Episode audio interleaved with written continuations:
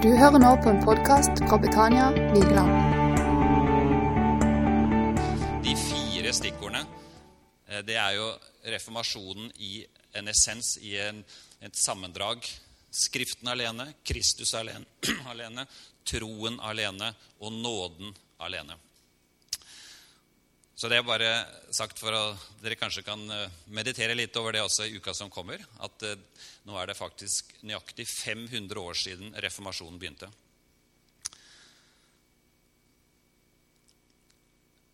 Jeg har delt opp eh, ja, som dere ser under bildet der, så har delt opp denne talen i fire hovedpunkter. Det er spørsmålene som møter oss, og som vi blir utfordra til å gi svar på. Så er det Guds skapervilje, som vi blir oppfordra til i Bibelen å leve etter, og som Jesus har åpenbart for oss og bekreftet. Og så er det utfordringen eh, som vi står overfor fra denne kjønnsnøytrale tankegangen og ideologien som nå preger samfunnet og preger hele eh, samfunnstenkningen omkring dette. Statens offisielle eh, politikk den eh, føres nå helt ned i barnehager og i skoler. Og så er det vår respons. Hva gjør vi med dette? Hvordan eh, forholder vi oss til det? Noen av spørsmålene som vi møter, det er jo er ekteskapet Guds skaperordning for mann og kvinne? Eller er ekteskapet en såkalt sosial konstruksjon, altså en menneskelig oppfinnelse som vi står fritt til å omdefinere? Og vi, det vil jo da si Stortinget og Kirkemøtet og menigheter, hvem som helst, kan vi bare definere ekteskapet sånn som vi vil og si at det er det som er ekteskap? Eller er det en fastlagt institusjon, en ordning som Gud har innstiftet? Et annet spørsmål som vil bli møtt med, det er jo har barn rett til å kjenne sin egen mor og far? Eller er planlagt farløshet og morløshet i tråd med Jesu liv og lære? For oss eh, som er her i dag, så regner jeg med at det svaret er selvsagt. Barn har rett til å kjenne sin egen mor og far. Det er ikke i tråd med Jesu liv og lære å planlegge at barn behøver ikke far, og barn behøver ikke mor. For eh, far kan byttes ut med en kvinne, og mor kan byttes ut med en mann. Og kanskje barn egentlig bør ha tre eller fire foreldre. Altså Det er masse ting som rører seg i tiden nå. Og da er spørsmålet hvordan svarer vi, og hvordan begrunner vi våre svar? Er homofilt samliv i pakt med Guds vilje? Eller bifil eh, seksuell atferd? Eller polyamorøs, kan vi legge til også, altså at flere enn to osv.? Eller er Bibelen entydig på at seksuelt samliv hører til i ekteskapet mellom mann og kvinne? Bør kristne menigheter tilpasse seg den kjønnsnøytrale ideologien? Eller må de holde fast på at begge kjønn er viktige i ekteskap og familie? Det er jo nå stadig flere, og Den norske kirke har altså nå vedtatt og Det kommer kanskje flere i løpet av de neste fem-ti årene av kristne kirkesamfunn og organisasjoner som følger Den norske kirke ved å omdefinere ekteskapet og si at vi må tilpasse oss, vi må følge med samfunnet, for ellers så, så får vi problemer både på den ene og andre måten. Og det er stadig flere, tror jeg også, av kristne i forskjellige sammenhenger som vil begynne å snakke åpent om at kanskje vi også skal innføre to teologier på dette, sånn som Den norske kirken gjør. Fordi det er jo veldig ubehagelig å få skjellsord og bli hengt ut i avisen og stadig få kritiske spørsmål. Vi, vi må tilpasse oss. Hvis vi følger den linja, så tror jeg det er eh, dødslinja på lang sikt. Fordi er det noe som er sikkert, så er det ingen velsignelse i å bryte Guds skaperordninger og gå på tvers av det som Bibelen er helt entydig på, at ekteskapet er mann og kvinne. Det finnes faktisk ikke ett eneste unntak på at ekteskapet kan være noe annet enn mellom mann og kvinne i Bibelen. Og det er mange andre gode grunner også til at vi bør holde fast på det. Guds gode skapervilje for ekteskap, familie og barn. For det første så er jo ekteskapet en pakt mellom én mann og én kvinne. En pakt det er noe mer enn bare en avtale, eller vi skal prøve om vi passer sammen. Vi får se, hvis ikke så skiller vi oss. En pakt er jo noe varig, noe som vi går inn i med stor, stort alvor og med stor, en veldig sterk beslutning om at dette, dette skal vare, dette skal vi jobbe med. Her skal vi virkelig søke råd og hjelp hvis vi får problemer, og ikke hadde bakdøra på gløtt. Gud skapte mennesket i sitt bilde. I Guds bilde skapte han det. Som mann og kvinne skapte han dem. Det var det første at det er mann og kvinne som, eh, som er i Guds skaperplan og Guds eh, tanke for ekteskap.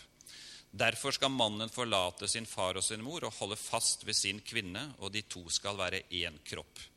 Dette er da den oversettelsen fra Bibelskapet i 2011. Det er en offentlig handling. Ekteskapet er noe som er offentlig ved at folk vet om det. Det behøver ikke være noe statlig, men altså det er en offentlig, det er ikke noe hemmelig eller noe sånn i skjul eller bare flytter sammen, og så oppdager folk etter hvert at det, nå har de funnet hverandre. Nei, det er en offentlig handling som blir markert på litt ulike måter i forskjellige sammenhenger, men det er alltid offentlig ifølge Bibelen. Derfor skal mannen forlate sin far og sin mor og holde fast ved sin kvinne. Forlate, eh, det vil altså si her bryte opp, gjøre et oppbrudd, og man danner en ny enhet. Og ekteskapet er ingen privatsak.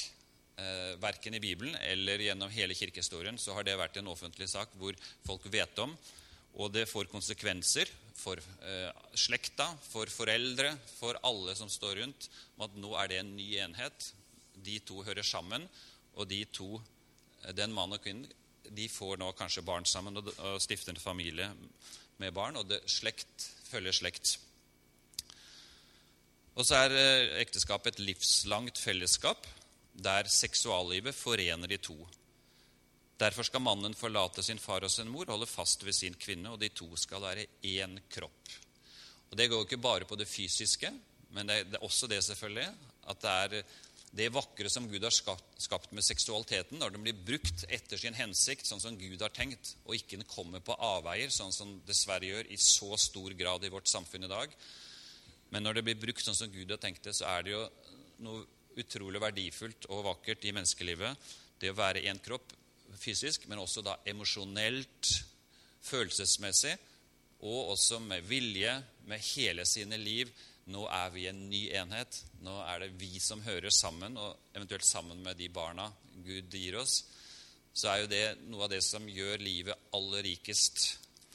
Samtidig som det også går 100% an å leve enslig eh, med dyp mening og leve Guds eh, vilje. Og to av de beste eksemplene på at det selvfølgelig er fullt mulig, er jo Jesus selv og Paulus, som jo levde enslig single hele livet. Og de levde jo dypt meningsfylte liv og helt i pakt med Guds vilje.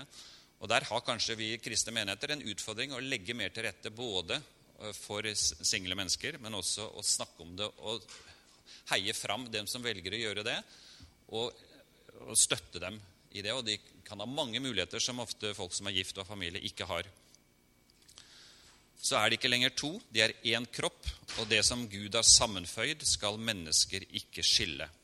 Det er noe som skal være livslangt, og det finnes mange unntak. Det blir problemer, og det blir skilsmisser, dessverre.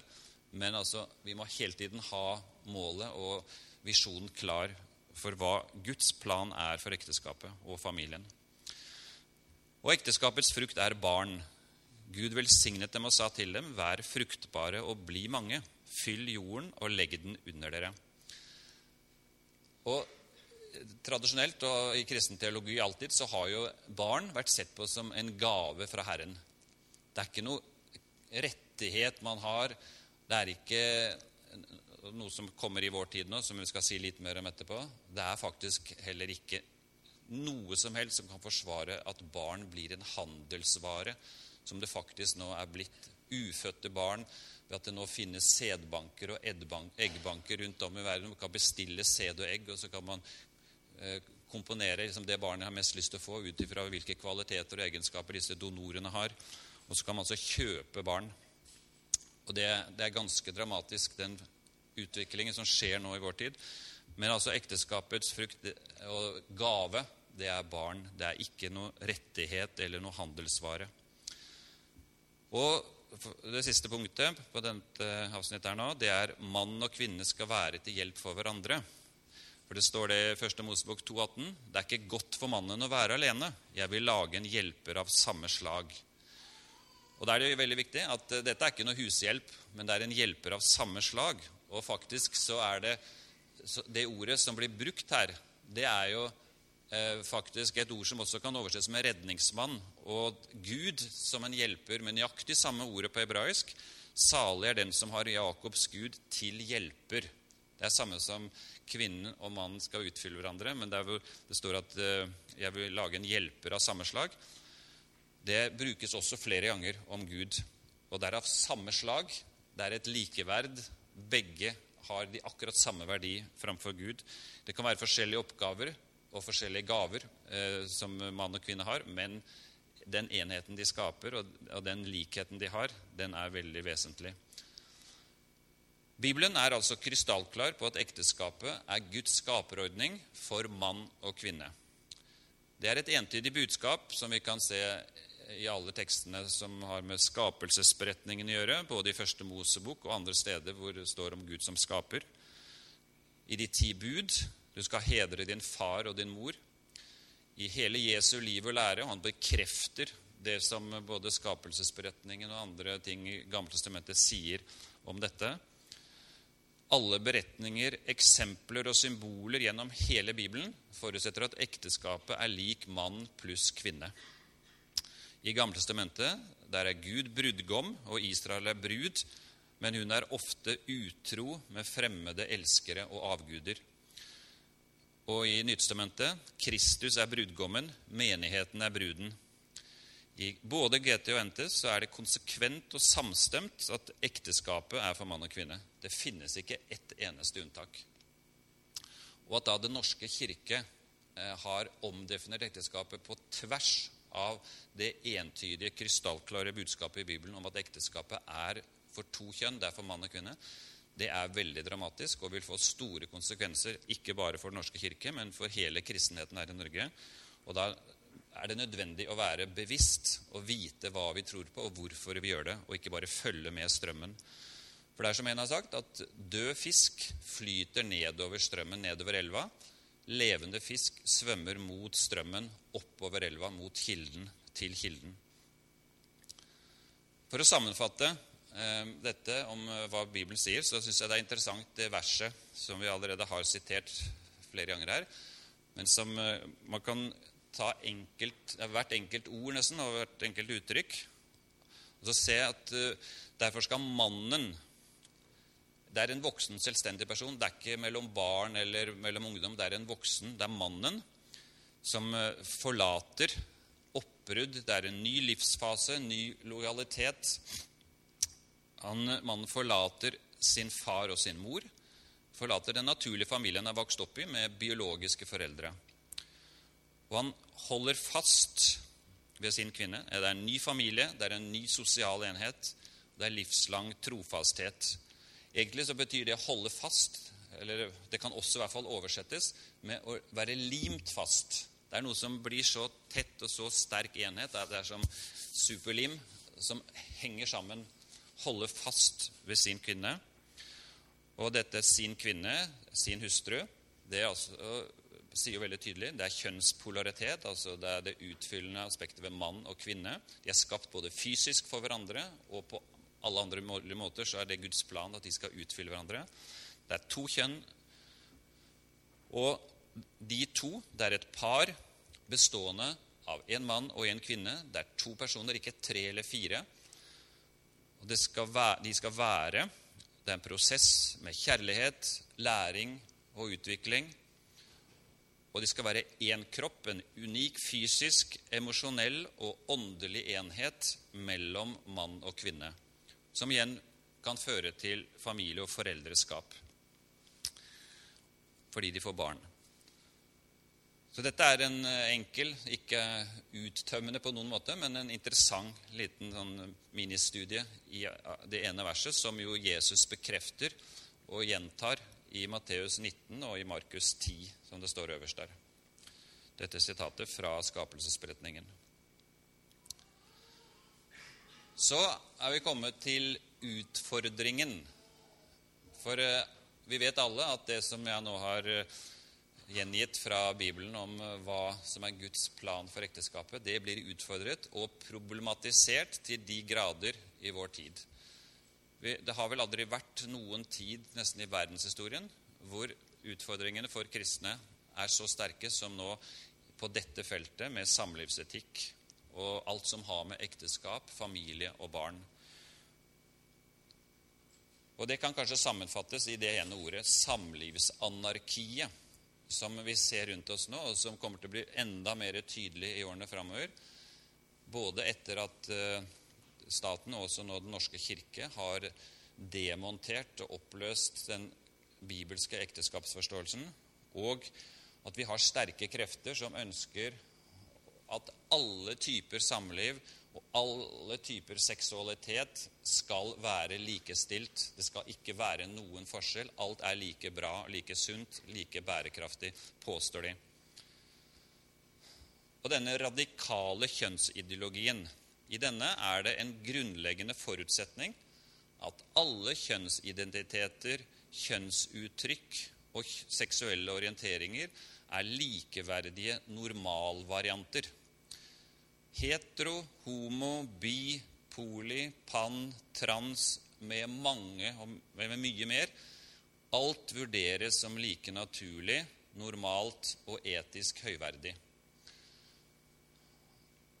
Så Et interessant eksempel det er jo at uh, altså det virvaret og den forvirringen som nå er i ferd med å bre seg også i Norge På Facebook, eller Facebook i USA de har det sånn at hvis du skal registrere deg som en ny bruker, så skal du ikke krysse av på om du er mann eller kvinne, men nå skal du krysse av på alle de alternativene du vil identifisere deg med, av 56 forskjellige kjønnsidentiteter og kjønnsuttrykk.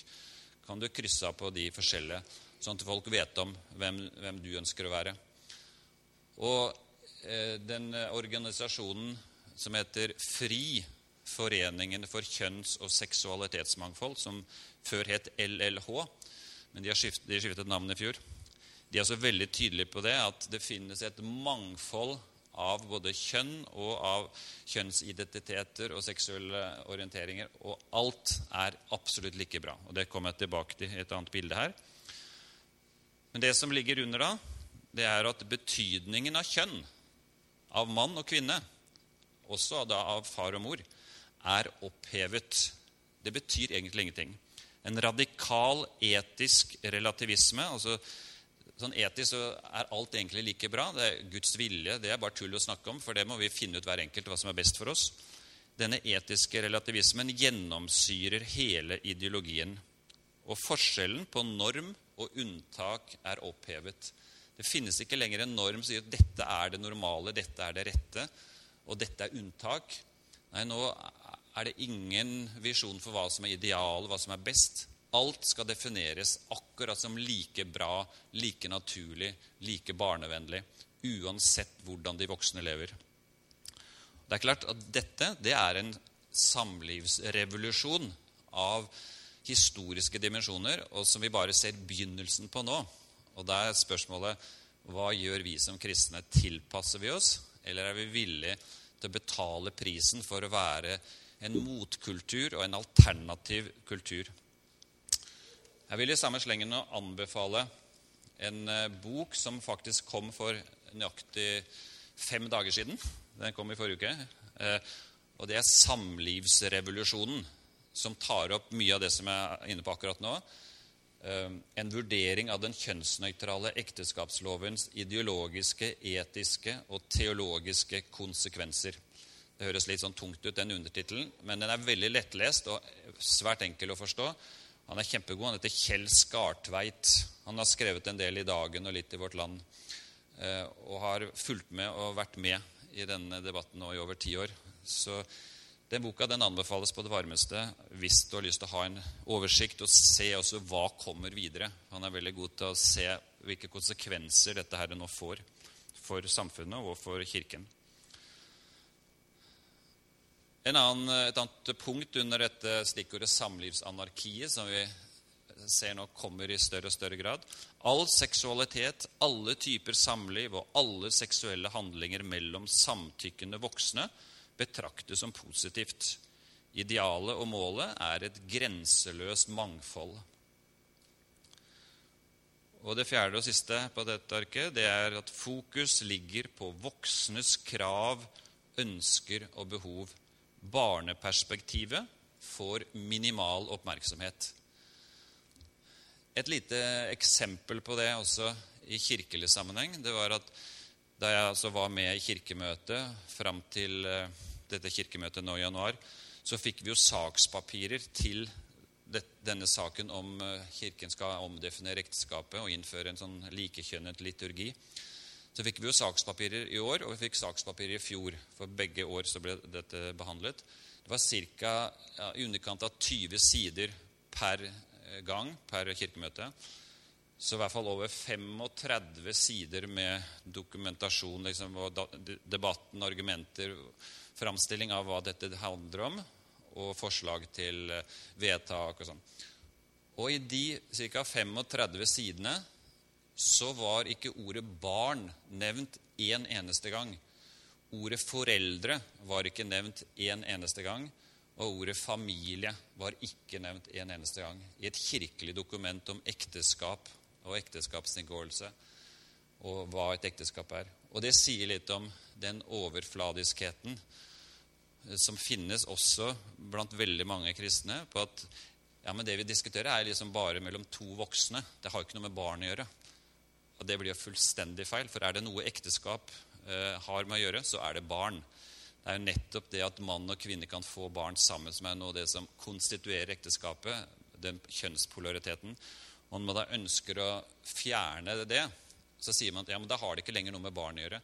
Men så er jo hele poenget også at også likekjønnede par krever å få rett til barn.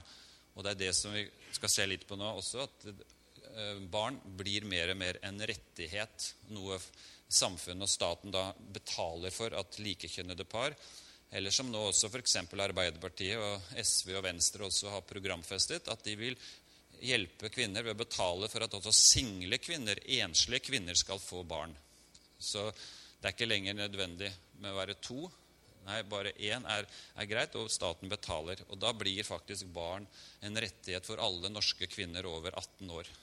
Hvor du, hvis det blir lov etter hvert, og det tror jeg kanskje allerede i denne stortingsperioden blir lovfestet, så kan det være sånn at enhver kvinne kan gå til fastlegen og si at jeg vil gjerne ha barn kan ikke du sette i gang prosessen at jeg kan få sæd og få inseminasjon? Og så har vi et uh, samfunn da hvor uh, mor og far er helt ute av tenkningen, og hvor barn er blitt en rettighet. Jeg nevnte så vidt den uh, organisasjonen FRI, som altså heter Fri tankestrek Foreningen for kjønns- og seksualitetsmangfold. Og De sier i sine dokumenter som ble vedtatt nå på landsmøtet i fjor. Det finnes et mangfold av kjønn. To kjønn, det er helt uh, avleggs. Jeg vet ikke hvor mange de definerer, for det har de ikke sagt offentlig. Men det er jo noen det ligger en, en liten videosnutt på NRKs nettsider som det går an å søke og, og lett finne, som heter 'Visste du at det finnes sju kjønn?' Så i hvert fall sju det kan godt være andre mener at det finnes flere kjønn også. Men altså det sier denne foreningen FRI, som jo har stor innflytelse langt inn i departementene og i hele lovverket nå, så har de stor innflytelse. Og staten bruker aktivt deres materiell nå i noe som kalles rosa kompetanse. Hvor barnehagelærere og skolelærere og bedriftsledere og helsepersonell og alle mulige blir kurset i denne ideologien som foreningen FRI representerer. Og Der sier de da at det finnes et mangfold av kjønn, og FRI mener at alle former for kjønn er likeverdige og skal være likestilte. FRI mener at alle former for seksuelle relasjoner eller handlinger som er basert på respekt, likeverd og reelt samtykke, er positivt. Så hvis det er frivillig og ikke utnyttelse av en annen, ikke noe tvang, men at det er mellom to over 16 år, og ikke noe utnyttelse av barn eller psykisk utviklingshemmede, men to oppegående voksne personer over 16 år, så er alle handlinger, alle relasjoner, alt er bra. Alt er positivt. Om du utforsker, om du har nye partnere annenhver uke, flott. Det, det, kan være veldig bra utviklende. Da lærer du deg selv å kjenne, osv., osv. Så, videre, og så, så dette her er, fullstend, det er fullstendig på kollisjonskurs med alt det Bibelen sier, og det Kirken lærer om seksualetikk, og kristne lærer om seksualetikk. Men allikevel så anbefalte nå kirkerådslederen på kirkemøtet i januar at norske menigheter bør begynne å bruke denne, dette kurset Rosa kompetanse for å bli mer eh, oppdatert på hva som både rører seg i tiden, og hvordan man kan møte mennesker som har andre oppfatninger enn oss. Og så sier de også i sitt dokument barn må gis god informasjon om kjønn og seksualitet i tidlig alder og møtes med respekt for sin seksualitet, kjønnsidentitet, kjønnsuttrykk og kjønnskategorisering. Allerede i barnehagen så skal, man, skal barn nå få opplæring i det som egentlig er helt voksen tematikk. Men barn skal nå også lære dette. Og det er jo sånn, Et eksempel på hvordan man tenker, er jo at i fjor, i juni, så fikk vi jo en lov som sier at du kan skifte juridisk kjønn hvis jeg føler meg som en kvinne eller en kvinne føler seg, eller en jente føler seg som en gutt, så går det an nå å levere inn et skjema til staten, eller til ligningskontor, faktisk, og så eh, får du spørsmål tilbake om holder du fast ved at du ønsker å bli det motsatte kjønn. Og Hvis du svarer ja på det, så har du fått et nytt kjønn. Da får du nytt pass hvis du har det, eller nytt identitets, nye identitetspapirer, nytt personnummer, og da er du blitt det andre kjønnet. Og Det er nå faktisk lettere i Norge å skifte kjønn enn det er å skifte navn. Så det, det er også sånn som Stortinget har vedtatt eh, med stort flertall. Og det går an nå at eh, hvis begge foreldrene er enige, så kan barn ned til i seks års alder skifte kjønn. Så en seksåring, syvåring, åtteåring kan nå altså bli, bli, jente hvis han er gutt, og en, en gutt kan bli jente. Så det er eh, det er ganske dramatisk hva som uh, nå skjer. Og Én sak er at noen kanskje har virkelige problemer og har masse kjønnsforvirring eller har en opplevelse av noe til og med som kan kanskje ha noen noe fysiske forklaringer. Men en annen sak det er jo eh, at nå skal ikke bare de, noen få hundredels promille av befolkningen, nå skal ikke de få hjelp. Men nå skal dette presses ned i barnehager og skoler, og våre egne barn og barnebarn skal nå lære at dette er helt greit, det er flott, og kanskje ikke du heller er gutt, kanskje du heller ikke er jente. Det må du finne ut, og du må eksperimentere, du må nå prøve deg fram. Så det blir et helt nytt livsprosjekt som nå presses inn på alle norske barn. Eh, både på det feltet der med hvilket kjønn du er, og også med type seksualitet og seksuell utfoldelse. Bare et eksempel på hva denne foreningen FRI da sier. Ehm, lederen for eh, denne foreningen sa til avisen Dagen i fjor, i september, alle samlivsformer har lik verdi, og vår vedtatte politikk er at det verken er antall personer eller kjønn som skal avgjøre hva slags verdi samlivsformen har. Antall personer, hvis du er tre eller fire, det er helt greit også.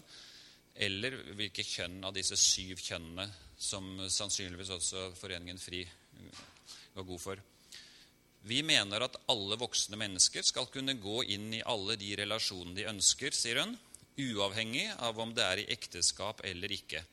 Vi må åpne opp de trange normene, og det må være opp til hver enkelt hva de velger. Der deler vi opp med tanken bak opprettelsen av Poli Norge, som altså var en ny organisasjon som ble stiftet i fjor, som dere ser her nederst. Poli Norge ble stiftet i 2016. Foreningen jobber for at samfunnet skal akseptere og gi juridiske rettigheter til seksuelle relasjoner mellom flere enn to personer, såkalt polyamorøse forhold. F.eks. Tre kvinner eller to menn og en kvinne osv.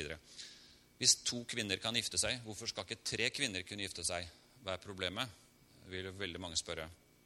Og det kommer flere og flere til å å gå inn for, er jeg helt overbevist om. For her er det en indre dynamikk. Når de oppløser grunnlaget, det viktigste av alt, nemlig relasjonen mellom mor og far som får felles barn, når det ikke lenger er noe spesielt Det er bare en variant blant andre varianter. Når du har oppløst den grunnvollen og den grunncellen og sier at det er helt det samme som alle andre relasjoner, ok, da er det egentlig bare en glideskala Da er det bare hva du venner deg til, hva lovgiverne føler seg tvunget til å vedta fordi presset er stort. Og nye folk kommer inn som har vokst opp med dette og syns dette er helt naturlig.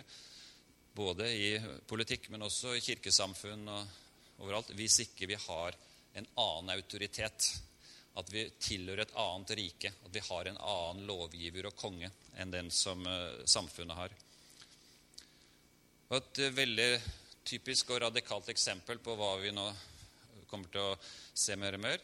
Dette er altså en artikkel som ligger på nettet på nettstedet foreldre.no. Finn fram kredittkortet og bestill drømmebabyen. Det står der i ingressen under eh, tittelen, hvis dere greier å lese det. Det er litt lite her på veggen, men der står det Ønsker du et barn med en kjekkas, med høy utdannelse og mørkt hår? Eller vil du ha en lys og blåøyd baby? Det er bare å finne frem kredittkortet og bestille drømmebabyen. Og Så følger det da en fire siders artikkel som beskriver hvordan kvinner kan reise til Danmark og så kjøpe sæd fra den mannen som de synes best om, ved lange lister og oversikter. Hvis du betaler noen tusenlapper mer, så får du vite mer om den mannen. Og hvis du kjøper full pakke, så får du også se bilder av den mannen eh, da han var liten osv. Så, videre. så du vet mer hva ditt barn kanskje kommer til å ligne på. Og du får alt mulig om interesser og utdannelse og alt mulig. Så dette er eh, ikke bare noe som kommer i framtida, men det er nå. Eh, bare i fjor så var det over 800 norske kvinner som dro til Danmark for å kjøpe barn på den måten.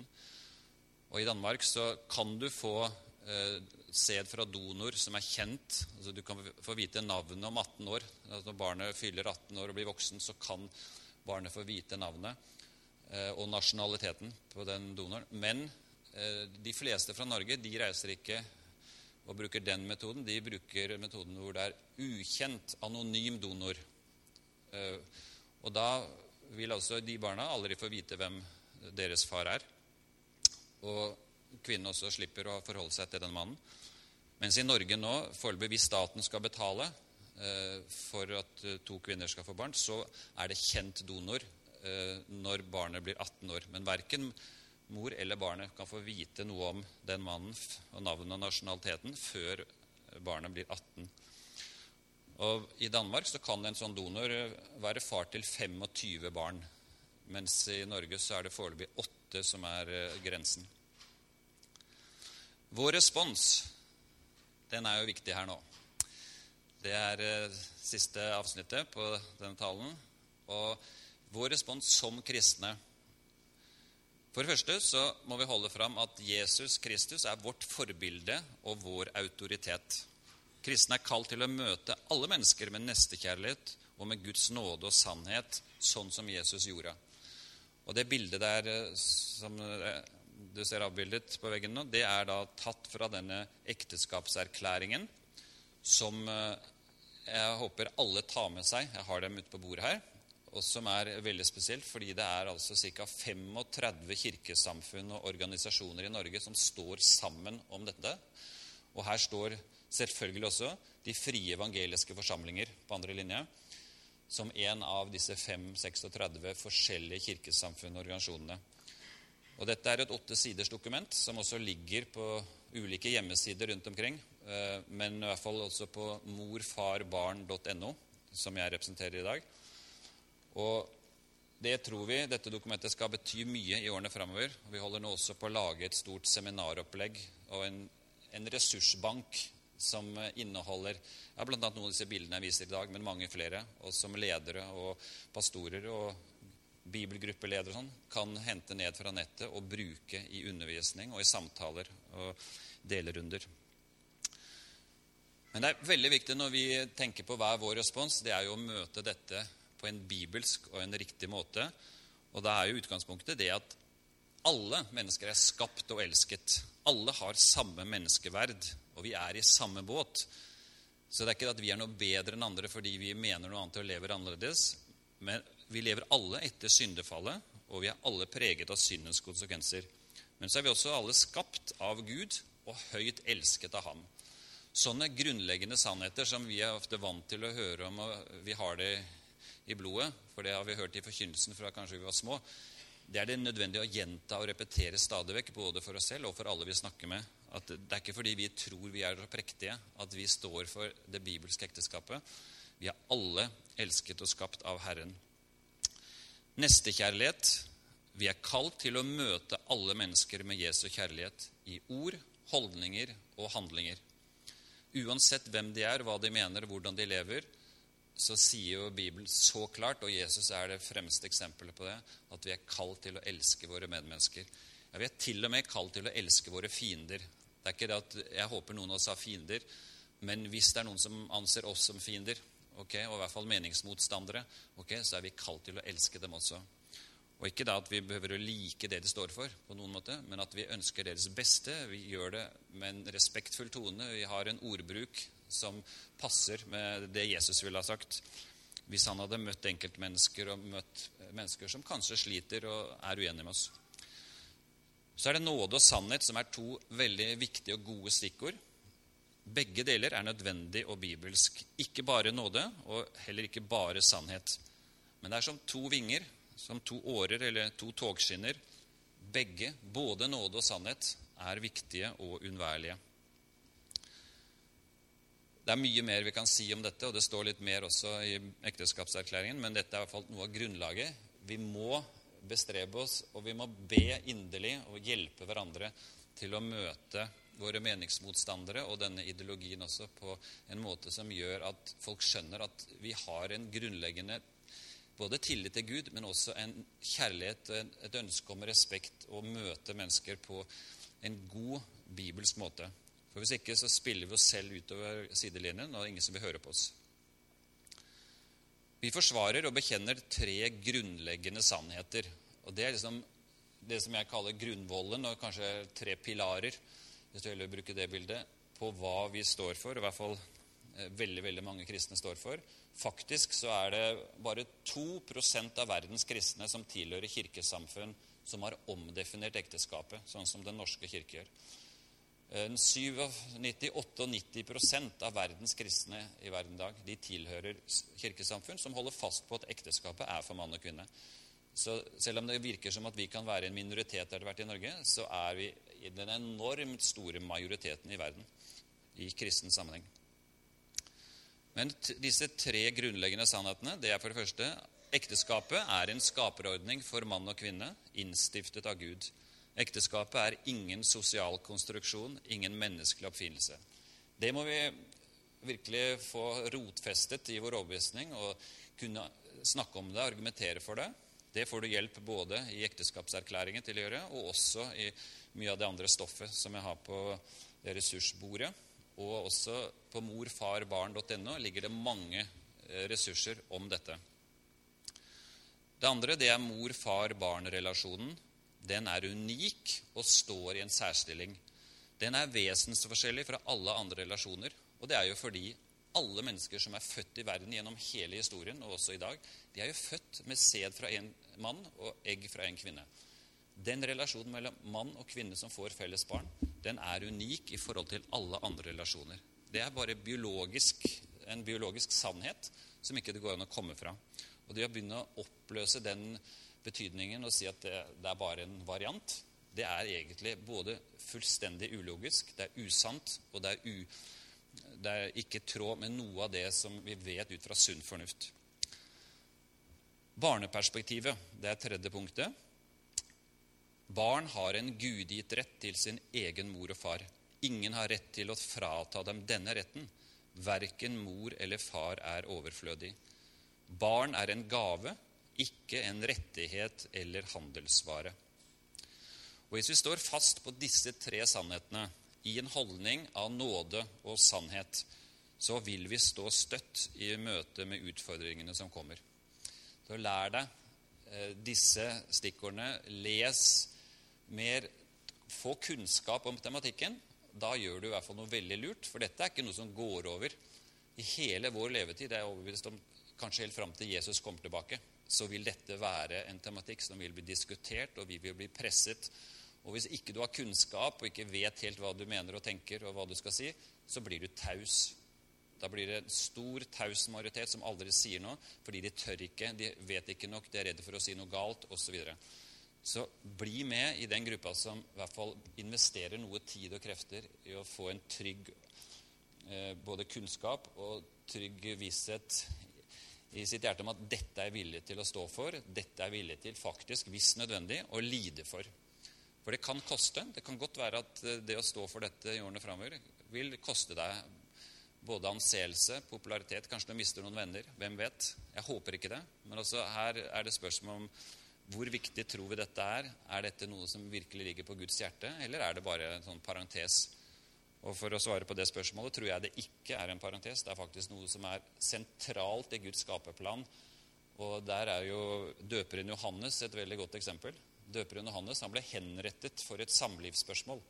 Han hadde kritisert kong Herodes for å leve sammen med sin brors kone. Og sier døperen Johannes at det har du ikke lov til. Det er klart brudd på Guds vilje. Du må omvende deg. Men det bruker kongen seg om, og så blir han til slutt henrettet. Og Jesus kritiserer ikke døperen Johannes for det. Som liksom, ja, Stakkars Johannes, han døde for en bagatell. Han burde bare bedt om unnskyldning. Nei, Jesus fremhever døperen Johannes som det største mennesket født av noen kvinne. Til slutt, Det siste lysbildet her, det går på det som står på baksiden av eh, ekteskapserklæringen, og som godt kunne stått på forsiden også, fordi det er helt grunnleggende eh, for alt vi driver med, og alt vi snakker om når det gjelder denne tematikken. Og det er at vi må ha et tydelig ja-budskap. Det er ikke fordi vi sier nei til alt mulig at eh, vi står for det vi gjør. Nei, det er fordi vi sier ja til grunnleggende ting i Guds ord. Og da må vi si nei til det motsatte. det er klart, Men utgangspunktet vårt og det vi må legge vekt på, det er dette ja-budskapet om at vi sier ja til Bibelen som Kirkens forpliktende norm for tro og liv. Skriften alene, som eh, reformasjonen sa. Vi sier ja til ekteskapet som Guds skaperordning for én mann og én kvinne. Vi sier ja til mor-far-barn-relasjonens særstilling og unike betydning. Vi sier ja til barns gudgitte rett til å kjenne sin egen mor og far. Vi sier ja til barneperspektivet i Kirkens teologi og praksis. Og vi sier ja til mange andre ting også, men dette er eh, seks eh, fem viktige ja-budskap. Vår tro og vårt budskap bygger på et tydelig ja til Guds gode vilje på alle livsområder, også i spørsmål om seksualitet og samliv. Dette var eh, en nokså fortettet framstilling av hele denne tematikken. Men jeg håper dere har fått med dere noe både god kunnskap og kanskje inspirasjon, forhåpentligvis, til å lese mer, til å sette seg enda grundigere inn i denne tematikken. Både bibelsk, men ikke minst også eh, sånn ideologisk og samfunnsmessig. Og det er mange utfordrende ting som kommer nå framover i lovverket hvis partiene får det som de vil. Og Et eksempel er at Miljøpartiet De Grønne har eh, programfestet at de ønsker at eh, det skal bli lov med eggdonasjon. Og det gjør flere Arbeiderpartiet og Venstre og flere partier. Altså at eh, det skal gå an å kjøpe egg og sette inn i en kvinne hvis hun er ufruktbar. Men at den mannen som hun eventuelt lever sammen med, skal også kunne få sæd. Så det, da blir det altså et sånn embryo hvor verken sæd eller egg kommer fra det paret. Og da blir det sånn at stadig flere blir barn til, ja, til altså blir foreldre, foreldre til barn de ikke er i slekt med. Og da er barnemarkedet kommet i sin fulle blomst, hvor du altså kan kjøpe både sæd og egg til samme person og få statens tillatelse og statens betaling sannsynligvis for å gjøre det. Så dette er på en måte som science fiction eh, som går i oppfyllelse, hvor eh, de aller fleste nordmenn for 10 toppen 15 år siden ville sagt at dette kommer aldri til å skje. Det er helt umulig. Dette er jo fullstendig på, huet, eh, på trynet og høl i huet. Mens nå sier stadig flere at dette er jo positivt, dette er et stort framskritt. Så her må vi bare være innstilt på å få mye motbør og bli motsagt. Og da er det viktig at vi har den kunnskapen og møter det på en måte som ligner på hvordan Jesus ville gjort det. La oss be sammen. Kjære himmelske Far. Vi takker deg fordi du har skapt oss. Du elsker oss. Du har gitt oss del i frelsen i Jesus. Og du har gitt oss dine livslover. Og du har gitt eh, dine skaperordninger, hvorav eh, ekteskapet er din første og kanskje fremste skaperordning, hvor mor og far som får felles barn, er grunncellen i ethvert samfunn. Men du ser hva som skjer blant oss nå her i Norge og i en del andre vestlige land. Og jeg ber Jesus om at du vil vekke opp både lovgivere og andre til å se hva de holder på med.